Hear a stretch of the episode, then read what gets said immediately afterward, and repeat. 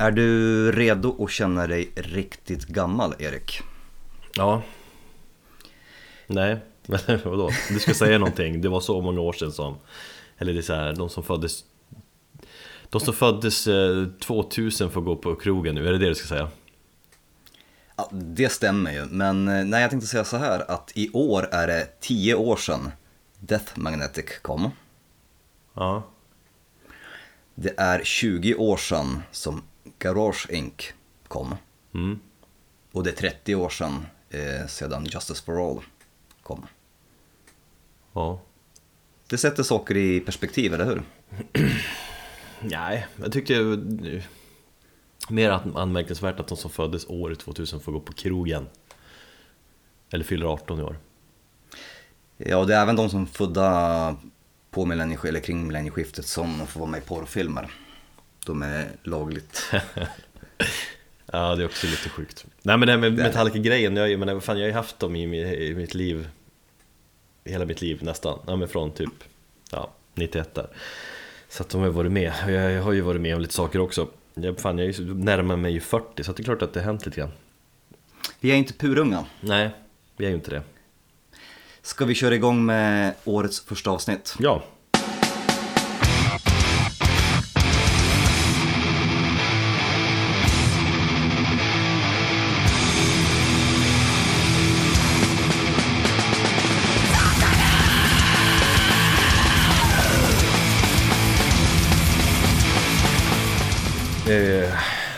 vad brukar jag säga nu då? Hej och välkommen till Metalpodden Året är... Hej. Hej! Året är 2018 2018. Ja, men jag har ju ändrat det där. Jag säger 2000 nu. Tack vare min bror som påpekade. Ja, det var ju hans. Ja, just det. Det var ju han som hade anmärkningar på det. ja. Så 2018 säger jag, du säger 2018, så det är väl fine. Det här är avsnitt 65. Det första för i år och det första för säsong 5 av denna podcast. Precis. Eh, Och det är jag som är Erik. Och det är jag som är Thomas, eh, surgubben. Mm, jag tänkte vilja fråga dig om det där surgubbe-grejen. Först tänkte jag bara fråga, eh, låter jag lite annorlunda? Alltså, ekare, liksom hur, hur låter jag? Du låter pigg. Ja, men jag tänker på soundet, akustiken här. Du låter jättebra. Mm. Nej, men ifall det låter annorlunda så beror det på att jag tagit bort mattan här nere i källaren. För Elliot kissade på den precis innan läggdags. Vet du vad Imre gjorde? Nej, Ehm, jag höll på att byta blöja på honom så, så sprutlackerade han badrumsmattan och mig. mm. men det, han är ju en bebis så det är fine. Elliot är ändå tre bast. Och så pissade han på mina Metallica-DVD också. Så jag har liksom torkat upp och så... Ja, det luktar kanske fortfarande lite varm urin här nere. Alltså det är golvvärme. Så att, ja. Det är härligt. Fan, vi skulle ju prata mindre bajs och kiss i den här podden. Fak- Nej, det skulle vi inte. Ja. Men hur känner du med allting, att vara igång igen? Nytt år, nya möjligheter Podden igång igen, är du laddad? Eller du är inte så laddad då? Jag är så jävla oladdad. Det här året har börjat helt förfärligt. Mm. Jag, är så, jag har varit så jävla deppig och, och totalt ur form, både mentalt och fysiskt. Eh, ja, nej, men det började väl med, med nyårsafton och att hela vårt firande som vi hade ganska så höga förhoppningar på, eller vi hade egentligen ganska låga förväntningar på att vi skulle inte göra någonting men vi trodde ändå att vi skulle kunna lägga ungarna i tid och kanske få fira lite grann på egen tid. Men det slutade med att vi båda satt uppe med, med barnen vid tolvslaget. Nej, men jag måste peppa igång mig. Eh, Jag är väldigt påverkad av det här konstanta mörkret och det gråa, gråa vädret liksom. Så att, eh, Ja, men det är väl inte riktigt det ändå? Alltså det... Jag klagar på vädret och mörkret. Fan, men det påverkar mig jättesy, alltså det gör det väldigt mycket. du får börja med ljusterapi och sånt där. Ja, ja, någonting måste jag göra. Jag måste i alla fall peppa upp mig. Men januari är oftast en ganska deppig månad tycker jag. Jag kände ju det, jag missförstod ju dig när vi snackade, när du sa att eh, Jag trodde du skulle träna, börja träna sex dagar i veckan. Du sa att du, du, att du menar att det fanns träningstillfällen sex dagar i veckan så att du, vi kan anpassa vår eh, poddinspelning bättre så. Men jag tänkte, fan nu har han ju spårat fullständigt. Det skulle verkligen kunna vara någonting som, som jag har gjort därför att jag ville bara ut ur den här svackan och eh, känna lite livsglädje och, och pepp. Så om det krävs att jag ska behöva träna sex gånger i veckan så får det fan bli så. För att jag måste ta mig upp, ut ur det här. Ja men det jag känner, det är fullt möjligt att det blir så. Det är väl, man skrattar åt det att det spårat, det är väl jättenyttigt och hälsosamt på alla, alla sätt. Men det blir ändå så här. Det blir ett overkill. Men det är så, jag är extrem åt ena eller andra hållet. Det är svårt för mig att hitta en liksom, gyllene medelväg även om jag försöker hitta någon balans. Mm. Jag känner väl att året har, det har sladdat igång lite grann. Men alltså jag har hunnit jobba ett par dagar. Det, det gäller ju att komma igång och låta vardagen styra dig lite grann, känner jag. Alltså det är skönt med jullov och så, men det är farligt. Hjärnan blir liksom... Man blir lite passiv, man, man flummar iväg. Ja, köttig. Ja, man filosoferar. Just de där dagarna mellan jul och nyår är så jävla konstiga. De är så intetsägande. Jo, jag har väl hunnit jobba en dag. Eh, sedan eh, ja, den här förra veckan då. Men jag tänkte att nu börjar egentligen livet på riktigt imorgon. Jag älskar ju att när, eh, när du väl skulle åka och jobba då, då gick inte pendeln. och jag satt fast i 90 minuter i Barkarby och bara fuck it, nu Mm. går jag hem. Ja, kul. Nej, men jag tror att allt för mig handlar ju allt om sömn ändå. Alltså, om jag sovit hyfsat, då funkar livet. Dålig sömn som det är mest just nu, det var helt sjukt det här jullovet med, med en unge som har alltså, verkligen vaknat varje halvtimme ibland. Då är man ju helt hjärndöd själv, och sur. Jag är bara idag var jag sur. Sur på Linn för att jag hittar inte Elliots vantar och sånt här. Jag var sur, jag var tvungen att åka och köpa nya eh, vinterskor till Zacke. Mm.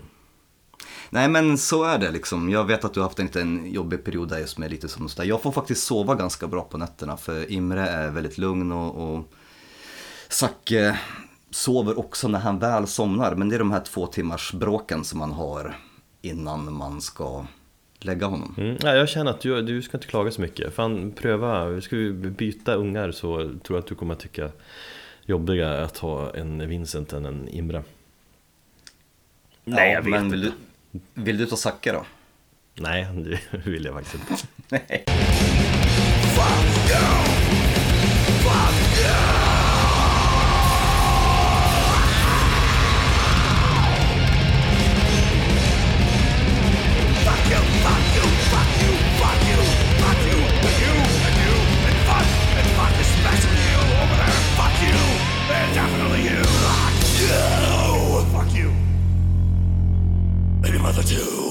Vi snackar musik. Har du kommit igång och eh, lyssnat på musik ordentligt i år? Alltså har du börjat lyssna på dina jävla promolänkar för skivor som släpps om ett kvartal?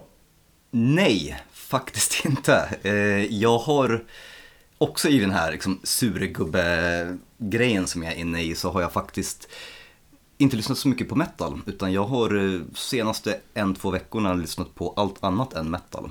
Mm, ja, eh, typ för mig också. Alltså, I fredags var det ju för sig några trevliga releaser som kom. Eh, Det känns som att januari, i alla fall på pappret, blir väldigt bra. Annars har jag mest lyssnat på Trasan och Banane med min son. The real 70-tals eh, barnprog. Ja, ja, jag har lyssnat på eh, jazz på svenska. Jag har lyssnat på ganska mycket syntig musik. Bauhaus, New Order. Jag har lyssnat på Joy Division. Jag har lyssnat på... Fan, det finns ett Allt. heligt krig mellan hårdrockare och syntare, för skärpa dig. Ja, men jag ska vara den här the one som förenar de här två i ett. Men, men nej, men jag har allmänt varit lite småless på metal och det har väl också ha att göra med att jag är en svacka. Så att jag har bara känt att jag vill peppa mig med någonting annat. Så därför har jag väl lyssnat på väldigt gammal musik och försökt att upptäcka någonting nytt. Ja, Fleetwood Mac har jag lyssnat på också en hel del. Här kan du lyssna på Trasan och Banane. Vi har Tarzan på middag idag. Han verkar att må ganska bra. Och så favoriten. Jag har aldrig, aldrig, aldrig, aldrig, aldrig har sett en rak banana. Fan, du kan ju sjunga ju. Eh, bra, men det får väl komma igång sakta Nej, men tan- tanken, är, tanken är väl att eh, jag kommer upp, komma igång och börja lyssna på, på alla de här promosarna som man får snart. Eh, vilket inte känns så där jävligt peppande för att jag är som sagt jag har lovat mig själv att 2018 ska bli ett år som är kvalitet och inte kvantitet. Mm, och vi, vi, Så häng, hellre- vi hänger det samman med ditt surgubbeuttryck. Jag måste fråga dig om det. Du har ju nämnt att du kommer vara en surgubbe 2018. Eh, du kanske förklarade hur du menade tidigare i podden. Men, men kan du liksom fördjupa det där lite grann? Vad menar du egentligen med att vara en surgubbe? Är det att du kommer vara som hårdare i bedömandet av musik på något sätt? Eh, det har väl att göra med, det lite grann som du och jag har pratat med, eller pratat om vid sidan av så här att jag känner att min pepp att recensera och skriva om musik och tycka till inte är, det är inte lika kul längre. Mm. Du, känner, du är Jag inte har- 14 längre som ser allt, upplever allt för första gången. Precis. Eh, att skriva om musik i recensionsform är ganska, jag känner att jag har redan, jag har kommit till ett ställe där jag inte kan utvecklas något mer. Och då tycker jag att då är det dags att lägga av, för det är inget kul och på något sätt kanske ta och utveckla någon annan sida. Jag vill ju fortsätta hålla på med det här för jag tycker det, hela grejen är kul. Därav podden. Och tanken är att kanske utveckla mig mer inom podden istället för skrivandet. Jag har inofficiellt har jag väl, eller ja, slutat skriva för Gaffa. Jag har väl lämnat en dörr Kanske lite, lite officiellt nu också, när du säger det så. Ja, nu blir det ju officiellt. Och att skriva för, för close-up och recensera mm, som tio skivor varje månad känns som att det blir kvantitet och inte kvalitet. Där Eh, märker man ju också i mina recensioner att jag börjar ju bli ganska sur. Jag tänker bara på Machine Heads senaste och ja, en hel del kommande mm, artiklar. Jag har förträngt faktiskt den, den soundcheck-recensionen. Vad, vad var det du skrev egentligen? Att jag eh, ska lasra bort min Machine Head-tatuering som jag har på vaden. Det, är, exakt- det, det känns som att alla hamnar där, du bara skriver liksom det ska vara roligt och något fyndigt. En, Därför att man har skrivit kanske, ja, jag vet inte hur många sådana där soundchecks jag har gjort nu, hur många skivor? 10. Och det är 10 skivor per nummer, det är det, 11 nummer eller 10 nummer per år. Det är 100 skivor om året. det är jävligt Ja. mycket faktiskt, ja. Det är sant. Så att det är det plus att jag har kommit till den här åldern där man inte hinner upptäcka musik på samma sätt som man gjorde. Det, är ju, det finns ju någon forskning där som visar på att vid 33 års ålder, 32-33 års ålder så börjar musikintresset dala. Att man har liksom, livet och andra saker kommer ikapp så att man, man upptäcker inte musik på samma sätt utan man stannar någonstans där och så är man nöjd med det man har. Ja, eller jag skulle säga som jag ser att så ser det ut för gemene man. Jag jämför med mina barndomspolare som jag sagt förut, de har fastnat, de lyssnar bara, de engagerar sig bara när liksom typ Machine släpper nytt. Eh, Men jag anser att den här podden har gjort att man har man har fått upp en viss eh, pepp efter ny musik som man inte hade kanske annars. Eller som man kanske hade tappat. Ja, förvisso. Men jag känner också att min tid är så otroligt eh, liten. Alltså jag har ju så lite tid till grejer så jag känner att då måste jag lägga en- energi på rätt saker. Så att, och jag vill ju inte sluta upp med den här podden. Jag vill inte att det här ska bli tråkigt. Ja. Och det har jag ju snackat om. Jag vill ju fortsätta med det här så därför kanske behöver jag lägga av med saker vid sidan av. Det är lite synd det där, för att jag menar vår cred, det är när folk kollar upp metalpodden, kan de kalla sig det? Vilka är de? Du har någon Erik som som är känd från internet som Jarno, du vet, skrev i någon podd. Ja, just det, ja, ja. Eh, Och så har vi ju Thomas som skriver för Gaffa och Close-Up. Fan, han verkar ju vara, han är ju en riktigt true snubbe. Det här är, kanske vi ska kolla in den då. Eh, jag har skrivit om musik i fan över 15 år så att jag har fuck cred och fuck true. Jag har gjort min beskärda del och jag har gjort mina hundår. Mm. Men Nu du, ska man rida på vågen. och nu går du in i sur gubbe-moder, men men det är ändå Men positivt om- egentligen väl? Alltså när du väl hittar något nu framöver som du verkligen brinner för. Det är det, jag vill bli, jag vill bli omskakad och jag sa ju det. Som 2017 var jag inte omskakad av musiken på samma sätt som jag var 2016 till exempel. Och jag vet inte om det har med min egen personliga utveckling, att jag har kommit någonstans där jag inte riktigt känner samma sak.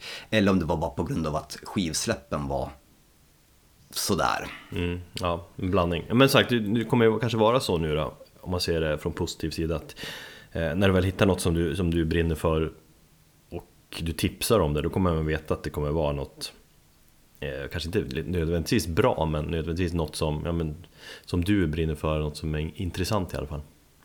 Precis, och det är lite grann så jag vill lägga fokus på. För att eh, saker och ting kittlar inte på samma sätt som det gjorde förut.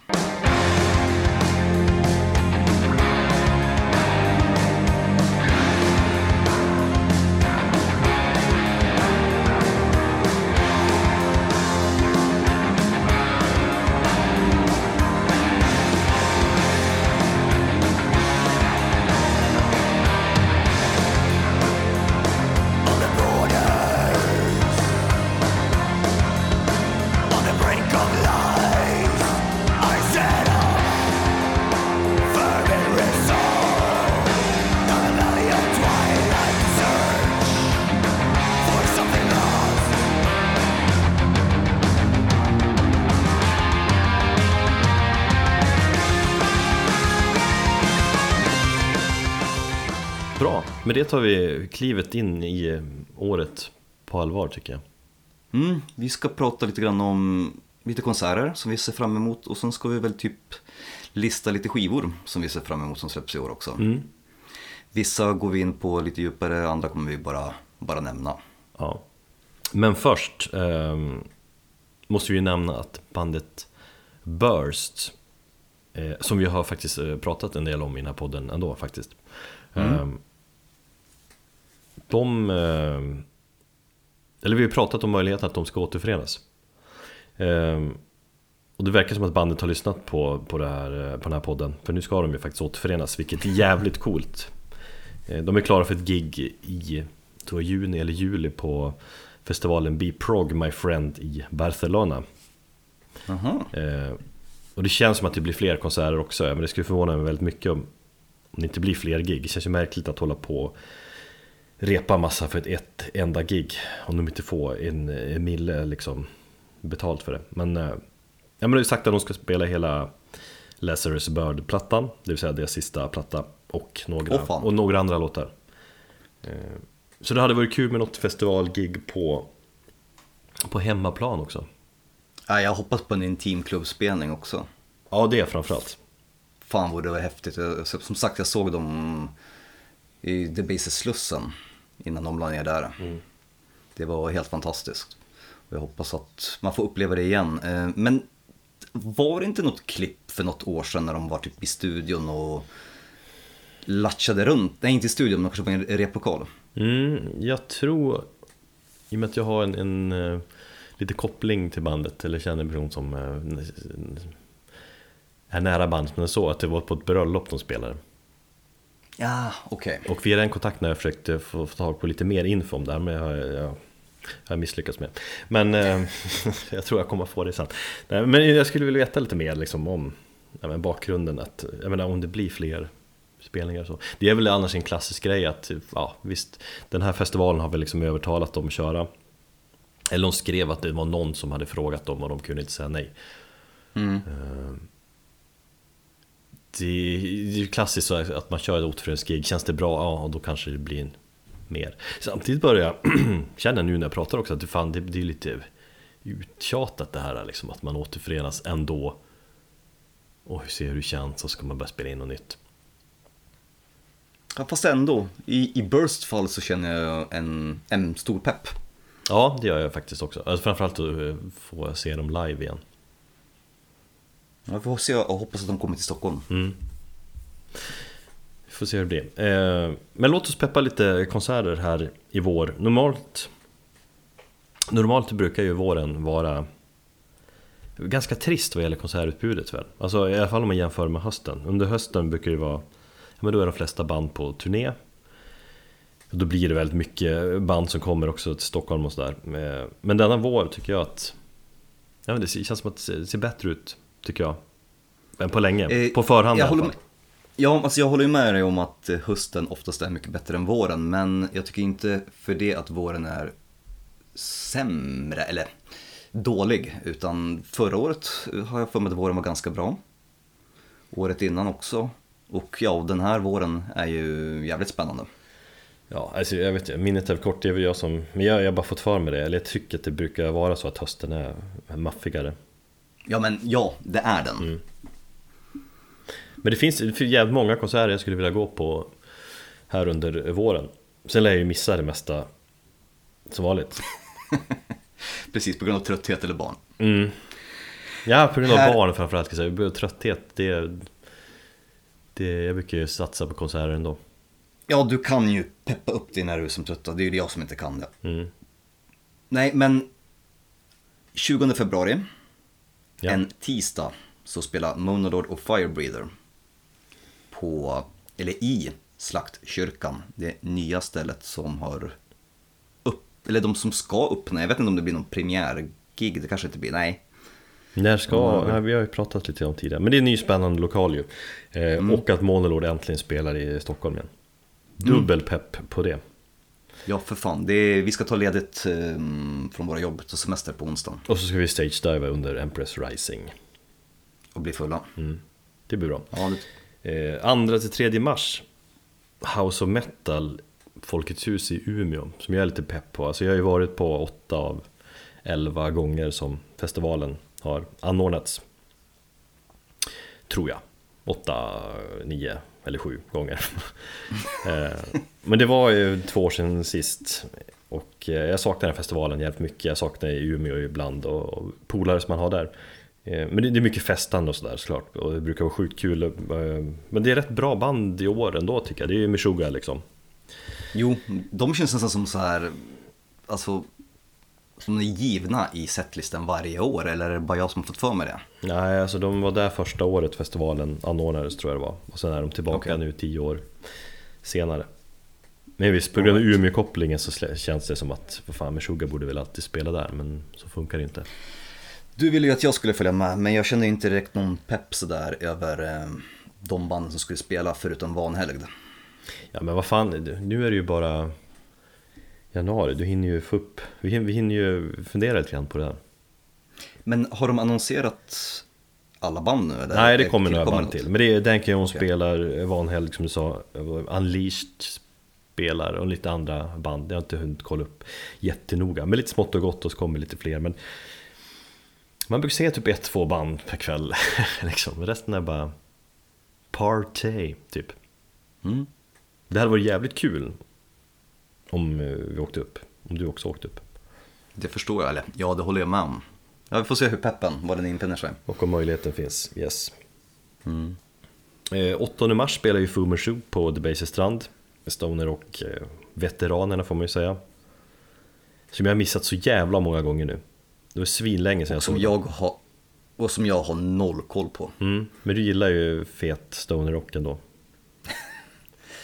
Ja, Ja, men det, är för mig i alla fall på tiden att jag ser dem igen. Det sa jag typ senast också, sen kunde jag inte. Och då, och det kanske blir så igen, för vet jag. Kanske blir någon magsjuka eller vad som helst.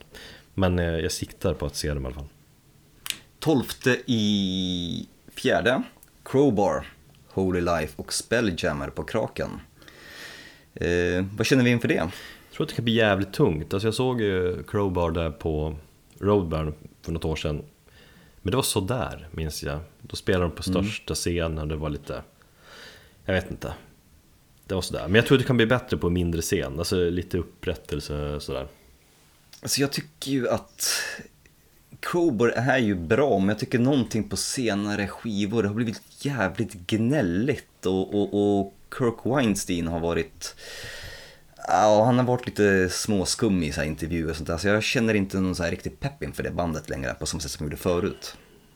Jag har fått upp peppen igen. Eh, mycket tack vare eh, sångaren i, vårt band. Som är väldigt så här, Nola eh, freak. Han vill bara köra den, den stuken av riff och sånt där. Och han är väldigt inne på crowbar och sådär. Jag har i och för sig aldrig sett dem, så att eh, ja, man, kanske, man kanske borde ta tillfället i akt. Spelljammer är kung som förband också. Mm, de skulle jag vilja säga. Mm. Sen så har vi en, jag ska säga en krock är det väl inte, men... I stort är- sett. I stort sett. Eh, 25 i fjärde spelar Elder på undergången och 26 i fjärde spelar I Hate God och Martyrdöd plus Bison och Ockultist Mm. på kraken.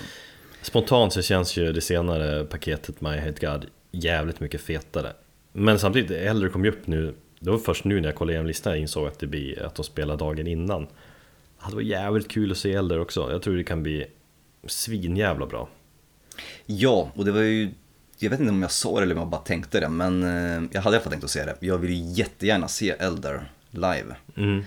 Och Karo är jättepepp på det. Men samtidigt så, I Hate God slår högre och jag vet redan nu att det kommer att vara omöjligt för mig att kunna gå bägge dagarna. Så att det, då tror jag att I Hate God vinner, trots att vi ändå såg dem för, var det två år sedan? Något sånt, när de spelade på strand. Nej, 2014 var det, eller 2015, tre år sedan. Ja. ja, det var ju svinbra. Men det är, också, det är så bra förband också. Bra paket liksom. Och sen så åker man till Roadburn så blir det ju ännu tajtare. Men, Ska du göra det i år? Nej, jag kommer inte göra det. Ska du? Karro tror fortfarande att vi lyckas på något sätt göra det. Jag bara, på vilket sätt? Man bara, jo men vadå? Ja, vem ska ta hand om Imre? Vem ska mata honom? Han är ju bara dina tuttar än så länge. Mm. Ehm, min unge är ju sju och en halv månad. Han börjar precis intressera sig för lite annat än tuttar. Jag såg det på Instagram. Det är, Skönt. Ja, det är på tiden.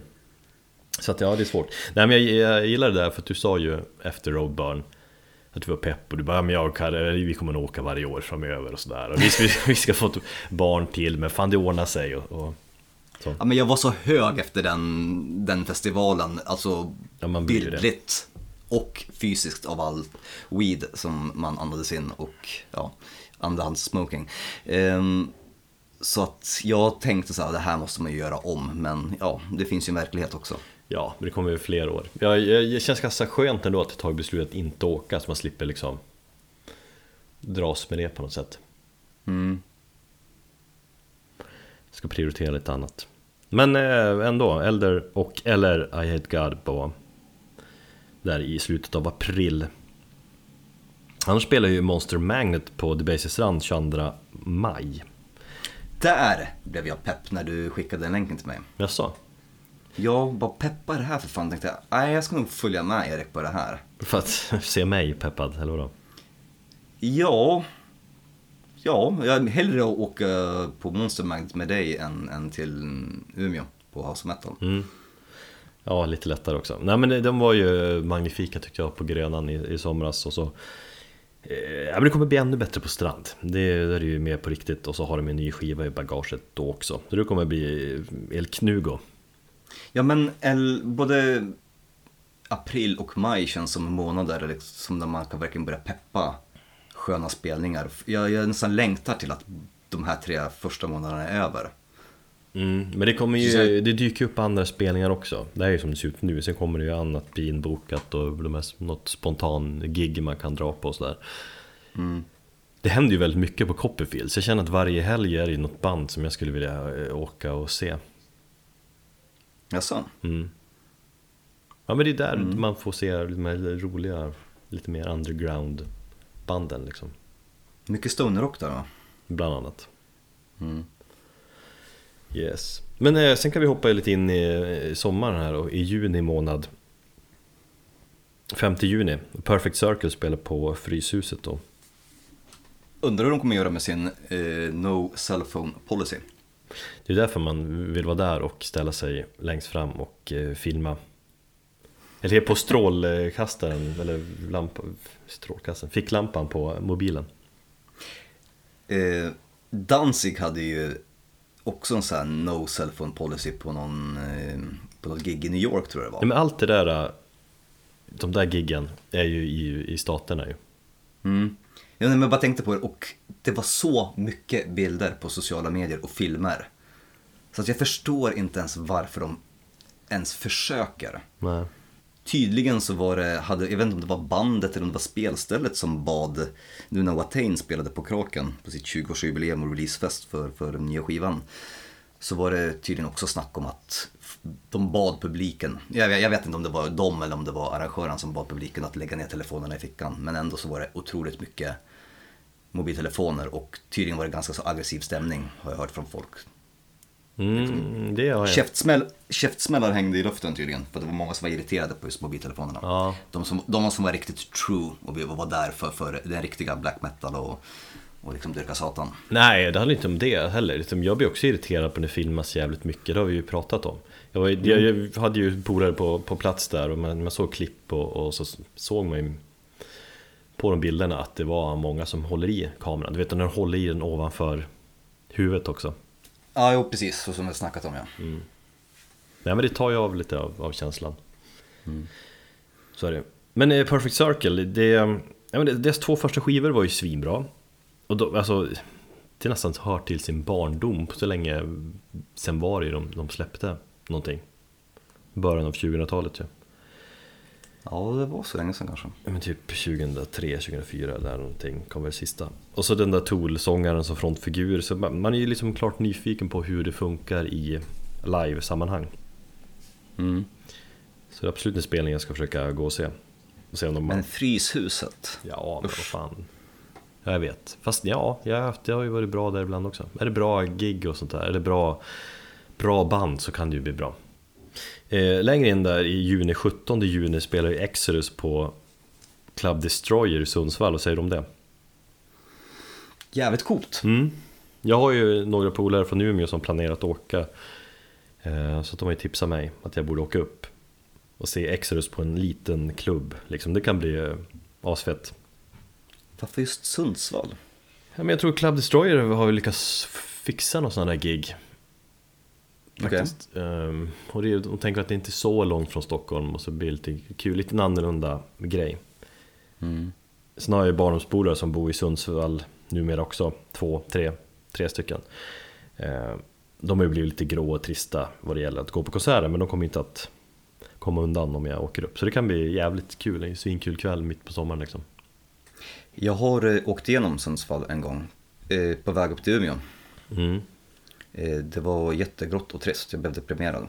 Om man åker igenom nu så blir man nästan lite Ja, det är lite mäktigare känsla för de har ju byggt en, en stor bro Okej. eh, Så att man kollar ner på staden, det känns som, verkligen som en storstad man åker den där Sundsvallsbron nu Jag tror jag checkade på Max där. Ja, det är ju klassiskt. Men det gör man inte längre för att eh, man kör långt därifrån. Mm. Ja, det är ju lite grann av eh, de spelningarna som kommer i vår och den listan lär ju bli, eh, fyllas på vartefter. Vi får väl återkomma under eh, vårens gång här om det dyker upp något intressant. Ändå ingenting i januari som är så här jättepeppande. Nej.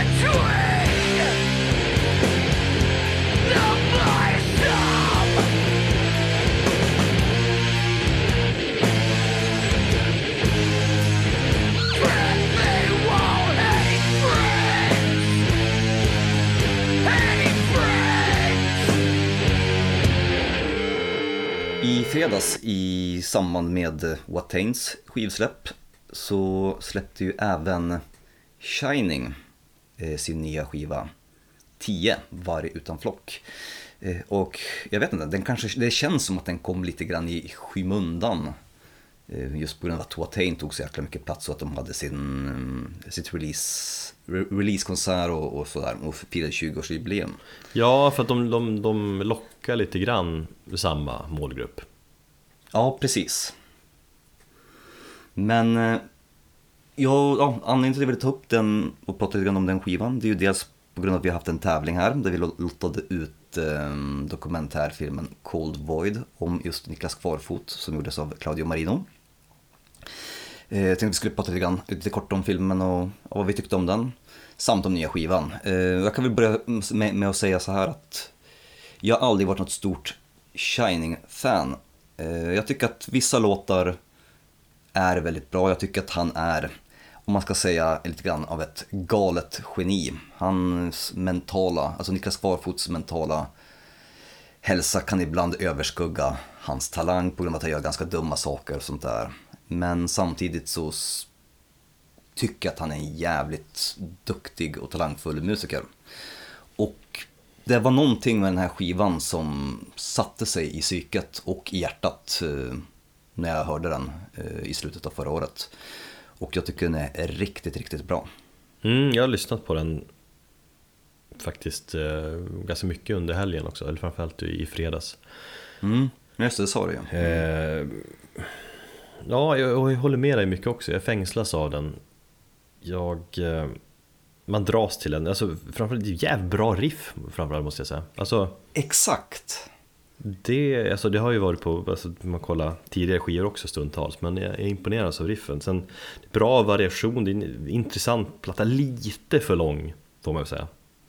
Är den det? Jag tycker den är ju... Alltså jag tänker inte på tiden när jag lyssnar på den. Nej, men den är väl upp mot 45-50 minuter eller sånt där. All right. Eh, Någon låt mot slutet som känns lite så här. Man skulle kanske gjort den lite mer kompakt. Alltså, Mm. Men visst, den är ju spretig åt olika håll, alltså fast på ett bra sätt.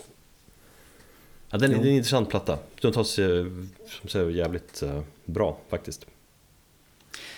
Vad tycker vi om eh, dokumentärfilmen då? Eh, intressant.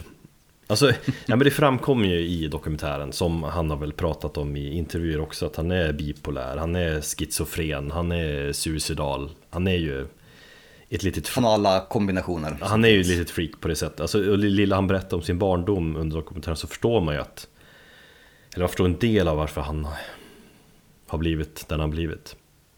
Jo, jo, verkligen att han är egentligen en produkt av sin barndom och, och sin omgivning och att han har växt upp i ett ganska så eh, ja, miserabla förhållanden stundtals. Och han är liksom brutalt ärlig i filmen också, så väldigt naken. Eh, både bokstavligt och liksom bildligt. Ja, det var lite chockerande faktiskt. Eh, Man får se ja, men hans just, snopp i dokumentären. Ja, när han gör propellrarna.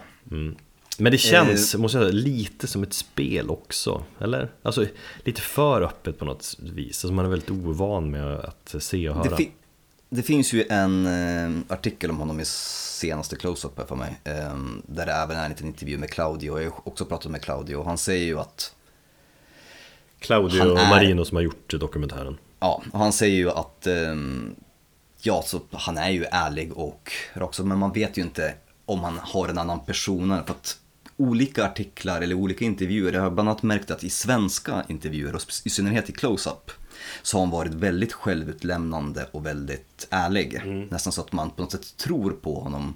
Nu vet inte jag vad som är sant och vad som är inte sant. Men om man jämför med till exempel amerikanska intervjuer, alltså där han, amerikanska tidningar och sånt där, där är han en helt annan person, där han är mer aggressiv. Så jag vet inte om han på något sätt känner sig kanske mer hemma av att intervjuas av svensk media än, än utländsk media, där han kanske på något sätt spelar en ännu större roll eller försöker att göra dumma grejer, för han har gjort väldigt många dumma grejer och sagt väldigt många dumma grejer. Mm, ja, men jag tror att det där är mycket medvetet också, att han har bra koll på vad han ska säga, alltså att han är, han är skicklig på att marknadsföra sig på olika sätt. Jo, Eh, Bara det där att, liksom, att man läser om honom när han gjort, alltså i tveksamma situationer hit och dit, bara det, det drar ju folk liksom, gör att han skapar sig ett namn. Jo verkligen. Jag hade en, en, en polare i Sundsvall där som, som skickade en länk på, på senaste singeln eh, som kom förra året där, vad det nu heter. Eh, han bara, har du hört de här? Det här var ju svinbra. Och så jag bara, jo jo, så förklarade jag lite grann om Shining och om, om hon och Niklas där och så. Eh, det visste ju inte han om. Nej. Men liksom det, det, det är bra musik. Sen är det mycket runt omkring som är ja, lite tveksamt och sådär. Det är eh, det som slog mig i intervjun, eller det som var ganska värmande på något sätt, är att han skyller ju till exempel inte på sina föräldrar för sin uppväxt. Nej. Och att den ändå, jag vill inte avslöja för mycket i, i dokumentären, jag tycker att ni verkligen borde se den. Den eh, finns att köpa. Eh, ja, den finns att köpa faktiskt nu på artaxfilm.com. Eh, men att han faktiskt ändå har på något sätt lite förhoppningar om en ljusare framtid. Mm. Och att han försöker kanske alltså bearbeta och se till så att inte han gör samma misstag som hans föräldrar gjorde. Mm. Men eh, i överlag så är det ju, om vi nu ska bara prata om själva dokumentär, dokumentärfilmen så tycker jag inte bara det är en dokumentär rakt av. För jag menar, dokumentär då känns det liksom som att det är en historia som ska berättas. Det finns ju ett bildspråk som Claudia använder som jag tycker är jävligt fint och det känns ju mer som att det är en det är en kortfilm som försöker vara mer konst. Mm, ja, det är exakt en, en konstnärlig prägel på det. Um, någonting som han har verkar hittat sin grej där, Claudio. Ja, verkligen. Och det har man ju redan sett i hans trilogi som gjorde Blood and Spirit. Som jag tycker att han har förfinat ännu bättre mm. med den här filmen. Ja, det, det, är en jävligt snygg film så visuellt också, sätter stämningen. Och man blir sugen såklart att lyssna på, på Shining när man ser den. Mm. Så ta tillfället i akt och se den. Jag tror den finns på on demand också. Mm. Om man vill se den på nätet. Sen måste jag säga, jag har aldrig sett dem live. Har du gjort det? Eh, nej, det har jag inte. Men han spelar, jag kollar upp dem, då, eh, turnéschemat eh, historiskt, de spelar ju relativt mycket, alltså väldigt mycket i staterna. Eh, runt i Europa, i Japan, men ytterst sällan i Sverige. Senast 2015 där tror jag var mörkaste Småland där nere i Hultsfred. Mm -hmm. Ändå lite märkligt i och med att han sjunger majoriteten av låtarna på svenska. Jag förstår att det känns spännande i USA och Japan, det blir lite exotiskt liksom. Jag kommer en svensk galning. Jo. Eh, men han har ju vad det känns att vara väldigt stor fanskara även i Sverige. Han har ju, ja, han har ju en väldigt stor fanskara globalt så tycker jag. Mm, jo, exakt. Men han, han skulle dra mycket folk. Det känns nästan medvetet att de inte spelar i, i Sverige på något vis. Eh, vad jag har förstått också så finns det vissa begränsningar och jag vet inte om han kan vistas i Sverige under speciellt långa perioder heller. För att? Ja, det vet jag inte. Uh -huh. Det har inte jag fått någon klarhet i, men eh, han befinner sig inte i Sverige just nu. Mm, okay. Bor inte här alltså. Mm. Så det kan ha någonting med det att göra. Så kan det vara. Men det ska vara kul om de spelar något gig framöver. Definitivt. Jag har ju träffat på honom en gång på Pussy Go Go. Eh, när han gick omkring och drack andra folks slattar. Det var lite märkligt ja. Mm. Men han var trevlig. Snackade du med honom? Ja, jag tror jag utbytte några korta ord med honom.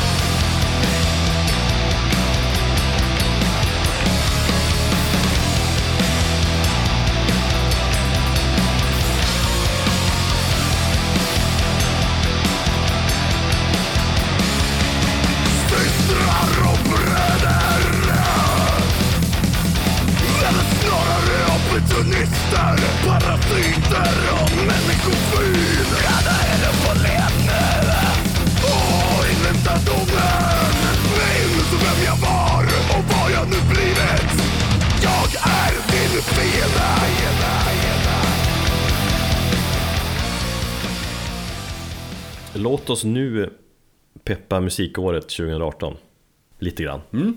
Eh, på samma sätt som att det är kul att göra en lista över årets bästa skivor som vi gjorde här i slutet av året, december så Så är det också kul att lista skivor som man ser fram emot. Så det tänkte vi göra. Vi tänkte nämna några mm. band som eh, kommer och troligtvis kommer, eller kanske kommer Att släppa nytt i år och som vi är sugna på. Lite så vi hade tänkt. Eller som jag hade tänkt i alla fall. Jajamän Um, och sen kommer vi, ska jag säga, att under året lista skivor på metalpodden.se, vår hemsida, under skivsläppssidan. Den uppdaterar vi, ja inte regelbundet, men vi uppdaterar den. Kontinuerligt, får man ju säga. Kontinuerligt. Vi har ju en sån sida för 2016-2017 också om man vill gå tillbaka eh, och titta. Så vi lägger in eh, ja, men kontinuerligt när, vi, när det blir klart med releasedatum och sådär. Mm. Så om man, är, om man är nyfiken på vilka skivor som har släppts under året och så, vilka som ska komma framöver så gå in på metalpodden, metalpodden.se och kolla vår skivsläppssida där. Det är vår service till er, våran kulturgärning. Exakt. Eh, jag tänker säga mer. Jo just det, man säger majoriteten av de skivor vi, vi ska nämna nu eh, Det är ju band som man har bra koll på, relativt bra koll på. Eh, men jag märkt att det blir mer och mer skivor och band som jag inte hade så stor koll på innan så letas in på årsbästa listan när, man, när, man, när det är dags att summera året. Ja, alltså jag tror också det har blivit så att de här stora och välkända banden på något sätt har kanske blivit, de lockar inte på samma sätt eller de gör en besvikna samtidigt som det kommer nya band och, och överraskar och så bara helt plötsligt så wow. Mm. Ja, men... Det är lite grann så jag hoppas att, det är därför jag på något sätt försöker bredda min musiksmak och inte bara lyssna på metal för jag kanske kan hitta någonting runt om som på något sätt kan ta och röra om mig inombords mer än förra året. Mm. Alltså, man gillar ju att få kickarna från nya bekantskaper. Eh, och jag, jag lär ju tänka så framöver också. Alltså jag tror att jag fortfarande kommer att leta efter den där eh, alternative metal-genren. Att jag kommer hålla mig mycket där. Ja, absolut. Jag håller ett öga jag också. Men, men det är kickarna jag letar efter och de blir som sagt färre med varje år som går. Ja, men det har ju mycket att göra. Alltså, om jag vill ha renodlade genrer så måste det vara jävligt bra. Alltså inte bara liksom Ja men det här är en okej okay thrashplatta, det ger inte mig så mycket Jag lyssnat på den, det är schysst döds Det låter mm. som det här och det här ehm, Man vill ha något som utmanar Så jag är väl också lite kanske inne på ditt surgubbe-tänk Ja, det är bra det Jag ska ner i fördärvet med dig Ja Så eh, skivor vi ser fram emot under året Ska vi köra typ varannan eller hur har vi tänkt? Ja, vi kan köra varannan. Jag börjar. O ordet är ditt. Mr Loves Company. En ny skiva med dem ser jag ju fram emot så jävla mycket egentligen. De ska ju snart släppa en ny låt igen läste jag. De håller ju på att mixa den just nu. Men är det bestämt att det kommer en skiva i år? Nej, alltså det kommer ju en, den nya låt ska släppas i februari. Och de hoppas okay. kunna släppa en ny skiva under året. Eh, skrev de. Och för tillfället verkar de leta efter ett samarbete liksom just vad gäller skivbolag och management och, och marknadsföring, hela den eh, apparaten liksom. Det vet jag att de har gjort eh, under en ganska så lång tid och redan sedan 2016 här för mig. Mm, jo, jag vet att du har lite inblick där. Mm. Så det verkar vara ett problem, eller om de kan sköta allt det själva. Alltså, men visst, det är ju kanske ett brutalt uppvaknande att liksom var det nu 17 år liksom, efter att de la ner så kommer tillbaka och så ser allt väldigt annorlunda ut.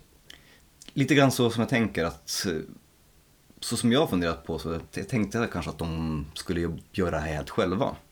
Ja. Men nej, vänta, så var inte fallet. Eller så verkar de bara att kanske ta sin tid.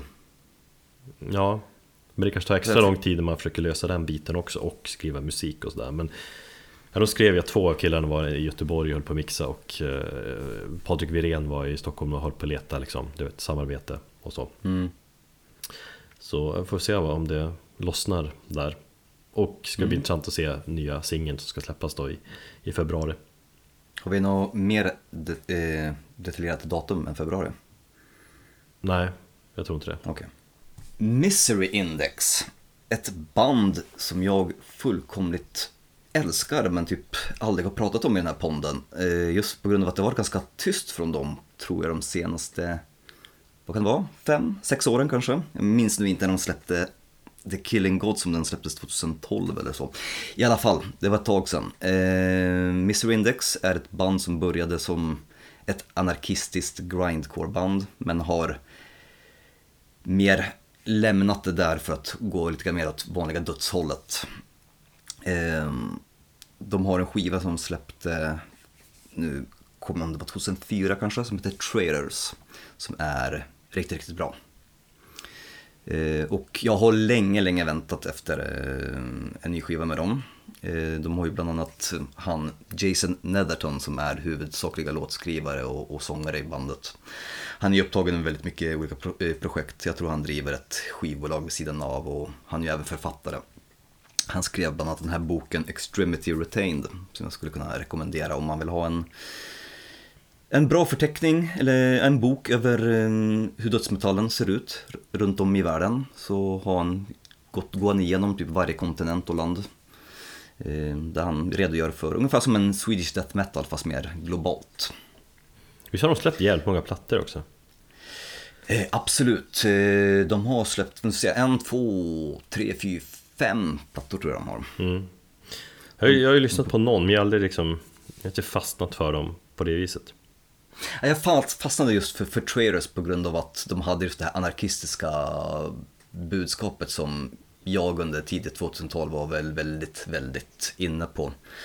Eh, men, och även om de kanske kan ha lämnat det här riktiga liksom, vänster vänstersparken eh, liksom, i pungen så, så har de ju gått, gått lite mer, kanske mer episka berättelser i deras låtar. Deras, till exempel The Killing Gods är ju, tror jag, en konceptplatta om, ja, om gudar och olika religioner. mm. Så, så är det fortfarande ett band som, eh, ja, verkligen rubs me the right way om man säger så. Så att eh, de har, håller väl på att spela in skivan och förhoppningsvis så, så ska det komma en skiva innan årets slut. Coolt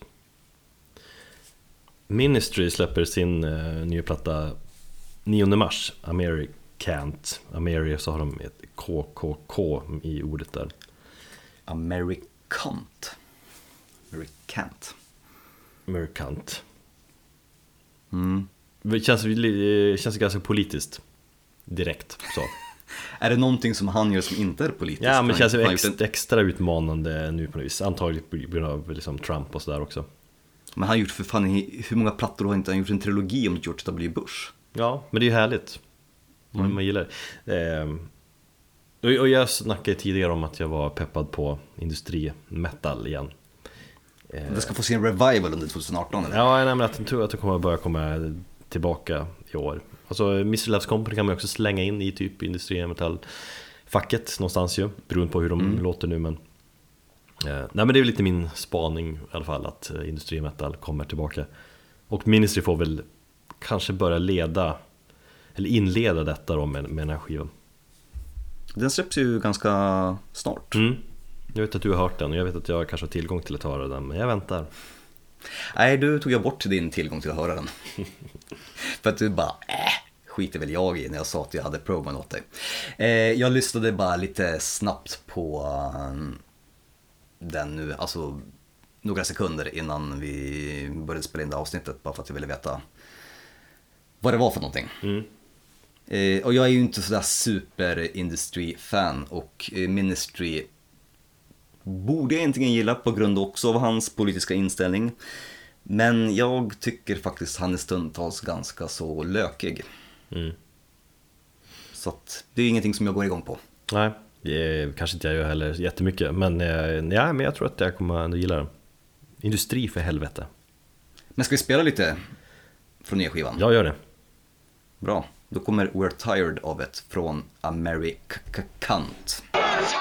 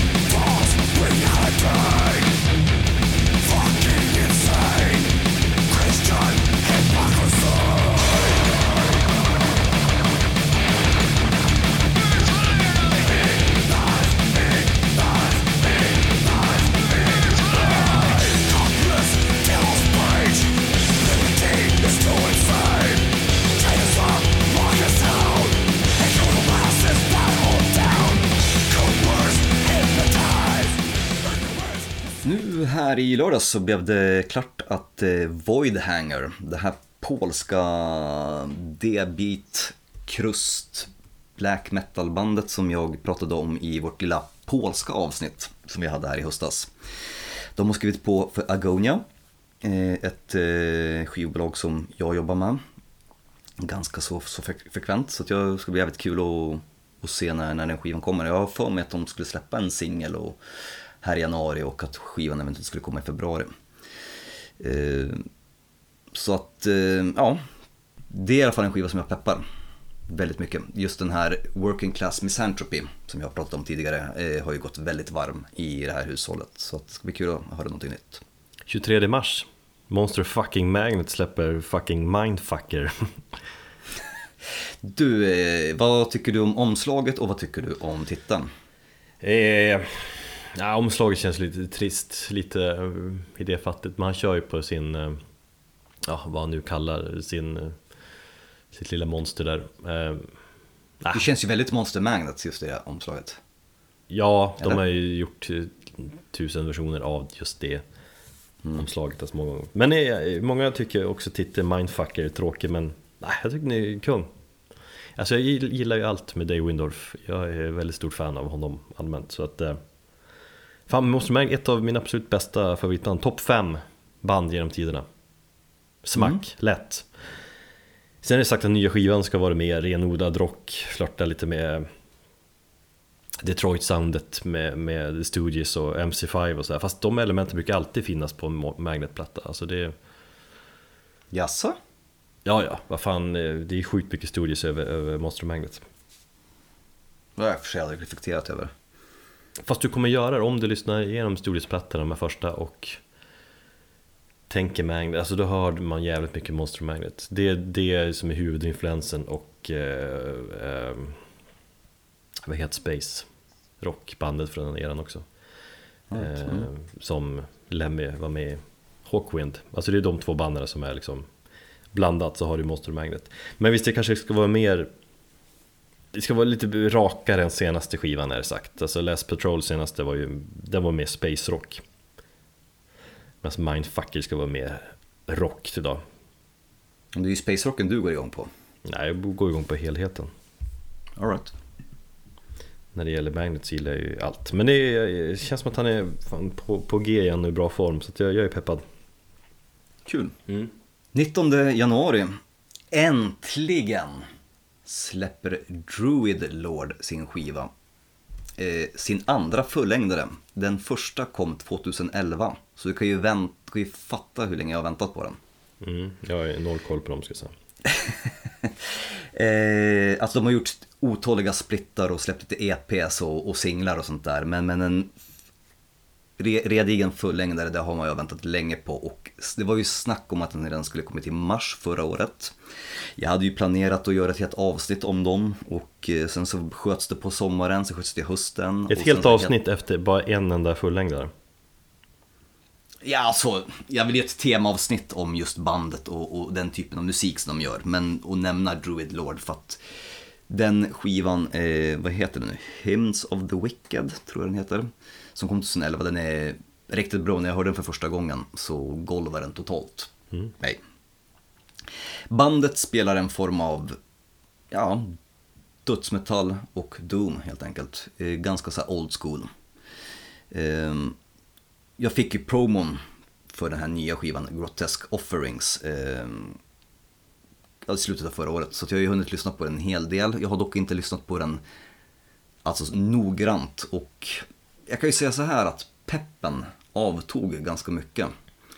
Eh, jag vet inte, jag får kanske ge den några till varv innan jag, innan jag bestämmer mig vad jag tycker om den. Men, men efter att ha väntat så pass länge efter en skiva och sen så, så kändes det bara, det föll platt. Mm, farligt. Mm, det är det som är där och jag, alltså jag till och med, jag mejlade till skivbolaget och jag har till och med mejlat till bandet och frågat bara, när kommer eran platta, när kommer eran platta? Och det har varit förseningar och det har varit problem med mastering och det har varit problem med, med, med omslag och allting. Men nu är det i alla fall bekräftat att den kommer den 19 i första på Hells Headbanger om jag inte missminner mig. Ehm, men som sagt, jag ska ge den skivan en ordentlig chans när jag väl får tid till den. Så bara för att vi ska få en, ungefär en uppfattning om, om hur de låter så tycker jag att vi ska lyssna på låten House of Dripping Gore.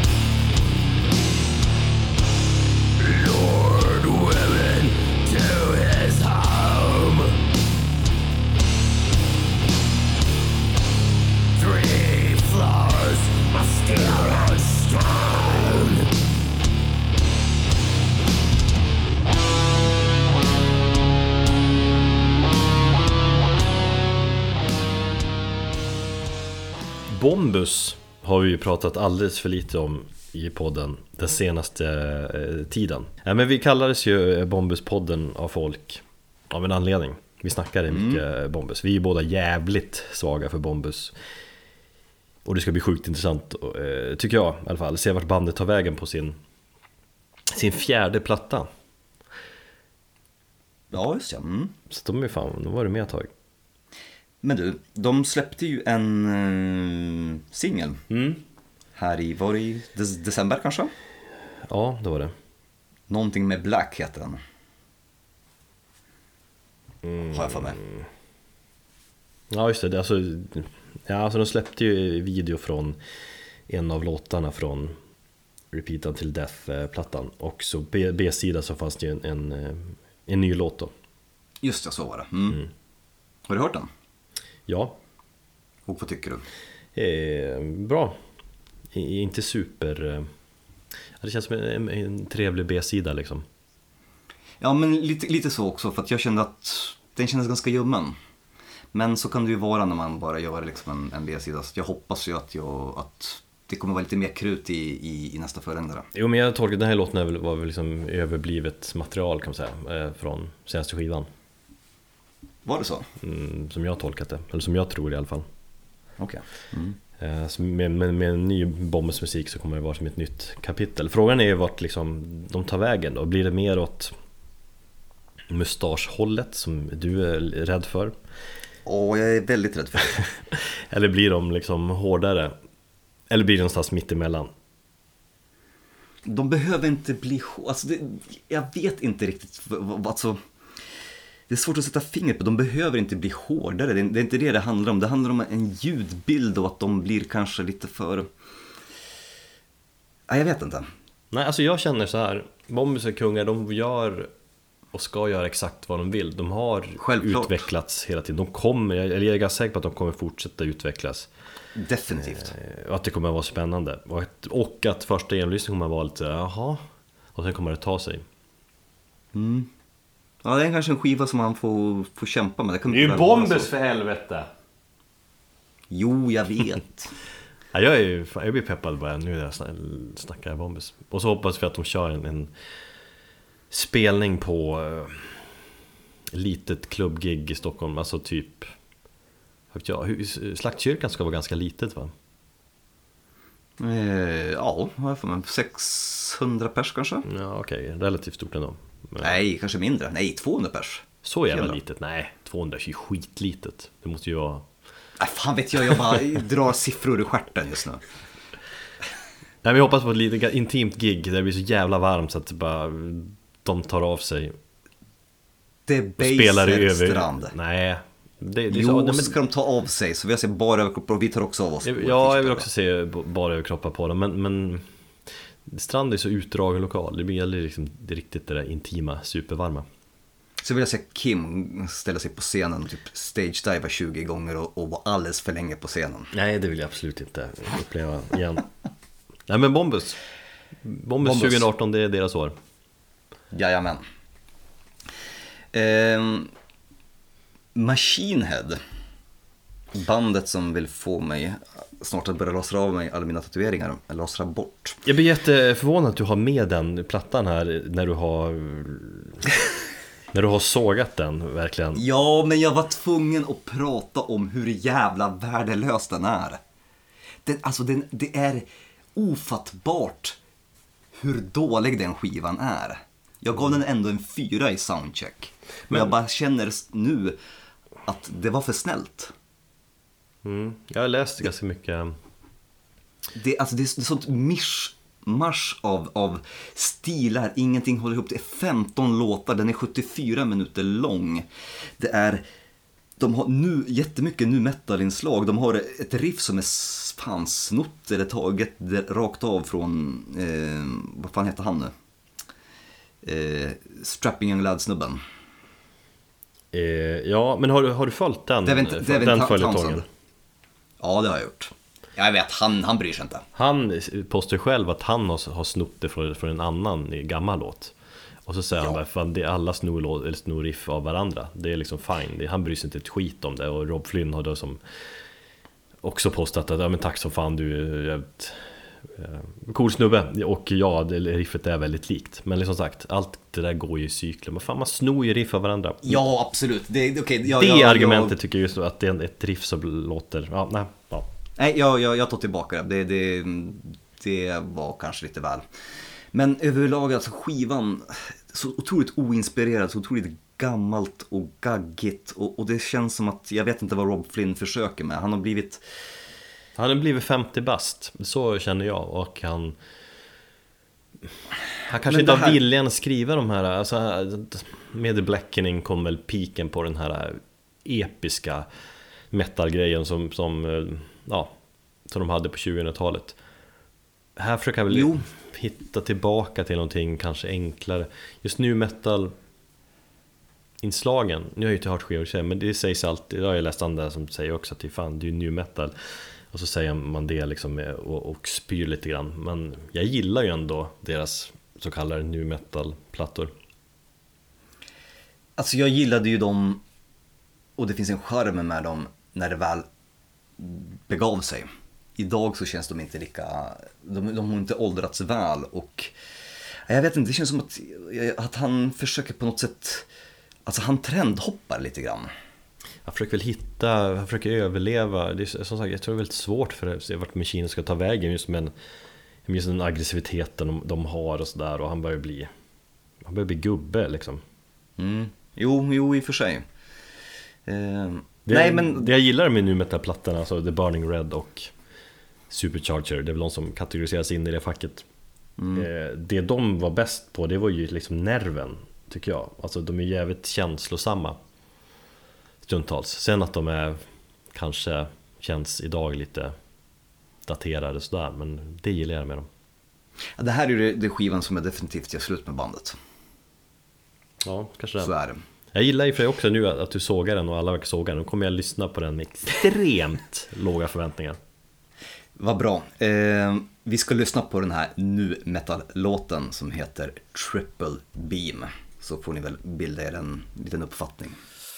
And there's no moral to the story, read the lines in between. Cause that's what happens when you balance life on a triple beam. When you balance life on a triple beam. When you balance life on a triple beam. to an eight ball, an eight to a brick. The violence in my life was a measuring stick. And there's no moral to the story, read the lines in between. But that's what happens when you balance life on a triple beam. And when it would come, drug dealers die young at the end of the gun. Powders on the triple beam, girls around my neck, no money. Well, she could always pay with sex. Bikers tried to throw me 30 grand worth of shit. Knew that if I took it, I'd never get out of this. What the fuck am I doing with amphetamines? But that's what happens when you balance life on a triple beam. Oh, when you balance life on a triple beam. When you balance life on a triple beam To an eight ball, an eight to a brick The chaos in my life was a measuring stick And there's no moral to the story, read the lines in between But that's what happens when you balance life on a triple Ghost eh, ska ju släppa nytt i år Och, Jajamän. eh, min Ghost-pepp har ju, som vi diskuterat här podden, kanske dött av Min också. väldigt kraftigt eh, ja, Efter allt strul i bandet med att alla bandmedlemmar i stort sett fick kicken Eller vad som nu egentligen hände. Det är ju som eh, uppe i rättegång typ. Eh, Och har ersatts av regelrätta live-medlemmar. Men jag har ändå fått upp eh, Tobias Forge-peppen om man säger så. Lite, lite igen. Alltså Dels från hans eh, sommar i P1-snack Mm. Tycker det var jävligt bra, känslosamt, det var, det var känsla i det. Var det, det var lite annorlunda, det var liksom, ja det var bra Ja, jag kan, jag kan köpa det. Det fanns, det fanns en del, just- själva som vi var inne på, just den delen med, med sin bror och det där. Det var, det var ju väldigt fint. Ja, men just för att höra rösten bakom Ghost, liksom nu när han, han verkligen, när alla vet att det är han och så Eh, Sen var jag ju med i Vargtimmen nu senast, det tycker jag också var Det var intressant att lyssna på honom, vilken jävla nörd han är liksom Ja, men det gillade jag också. Ja, exakt Han, han var kunnig inom, inom musiken och, och, och filmer liksom. Väldigt akademisk i, i sitt uttryck och så Precis som man hade hängt på universitetet och pluggat eh, skräckrock i, i tre år. Eller hur? Det var lite den känslan. Jo. Eh, Så att liksom, jag har fått lite Forge-pepp så. Sen är han ju, han är en jävligt bra låtskrivare. Det, och det ska bli kul att se vart bandet tar vägen. Alltså dels ska ju, ju musikaliskt, ja. Eh, Och te- temamässigt då, att det ska bli lite mörkare. Typ. Satan ska vara tillbaka på något sätt. Ja, det är Gud som ska komma tillbaka eller någonting. Är det så? Ja, fast ur, Okej, ur ett ja, men- mörkt perspektiv. All right. Nej, jag vet inte. Så ja, vi får se vart tar vägen. Det ryktas väl att det ska komma någon gång i april kanske? Nej, Har jag för mig? höst tror jag. Höst då? Ja, Nej. det, det återstår att se. Mm. Eh, ett band som ligger mig väldigt varmt om hjärtat är The Crown. Eh, som har haft en väldigt brokig karriär. Eh, från att ha varit, gjort några fenomenala plattor på 90-talet. Med Hell is here och Death Race King. Upp till ja, min favoritplatta med bandet som egentligen är Crowned in Terror med Tompa Lindberg på sång. Där så tror jag bandet pikade. Sen så gick det lite nedför. Bland annat så hoppade deras fantastiska trummis Ja- eh, Janne Sarenpää av. Jag tycker att hans trummande på, på just Crowned in Terror är helt jävla fenomenalt. Ehm, och de har ja, tappat sångare, Tompa hoppade av, sen kom Johan Lindström tillbaka, han hade hoppat av tidigare. Sen så hade de även Jonas Stålhammar från Bombs of Hades. Ehm, han sjunger på en skiva, Doomsday Kingdom tror jag den heter.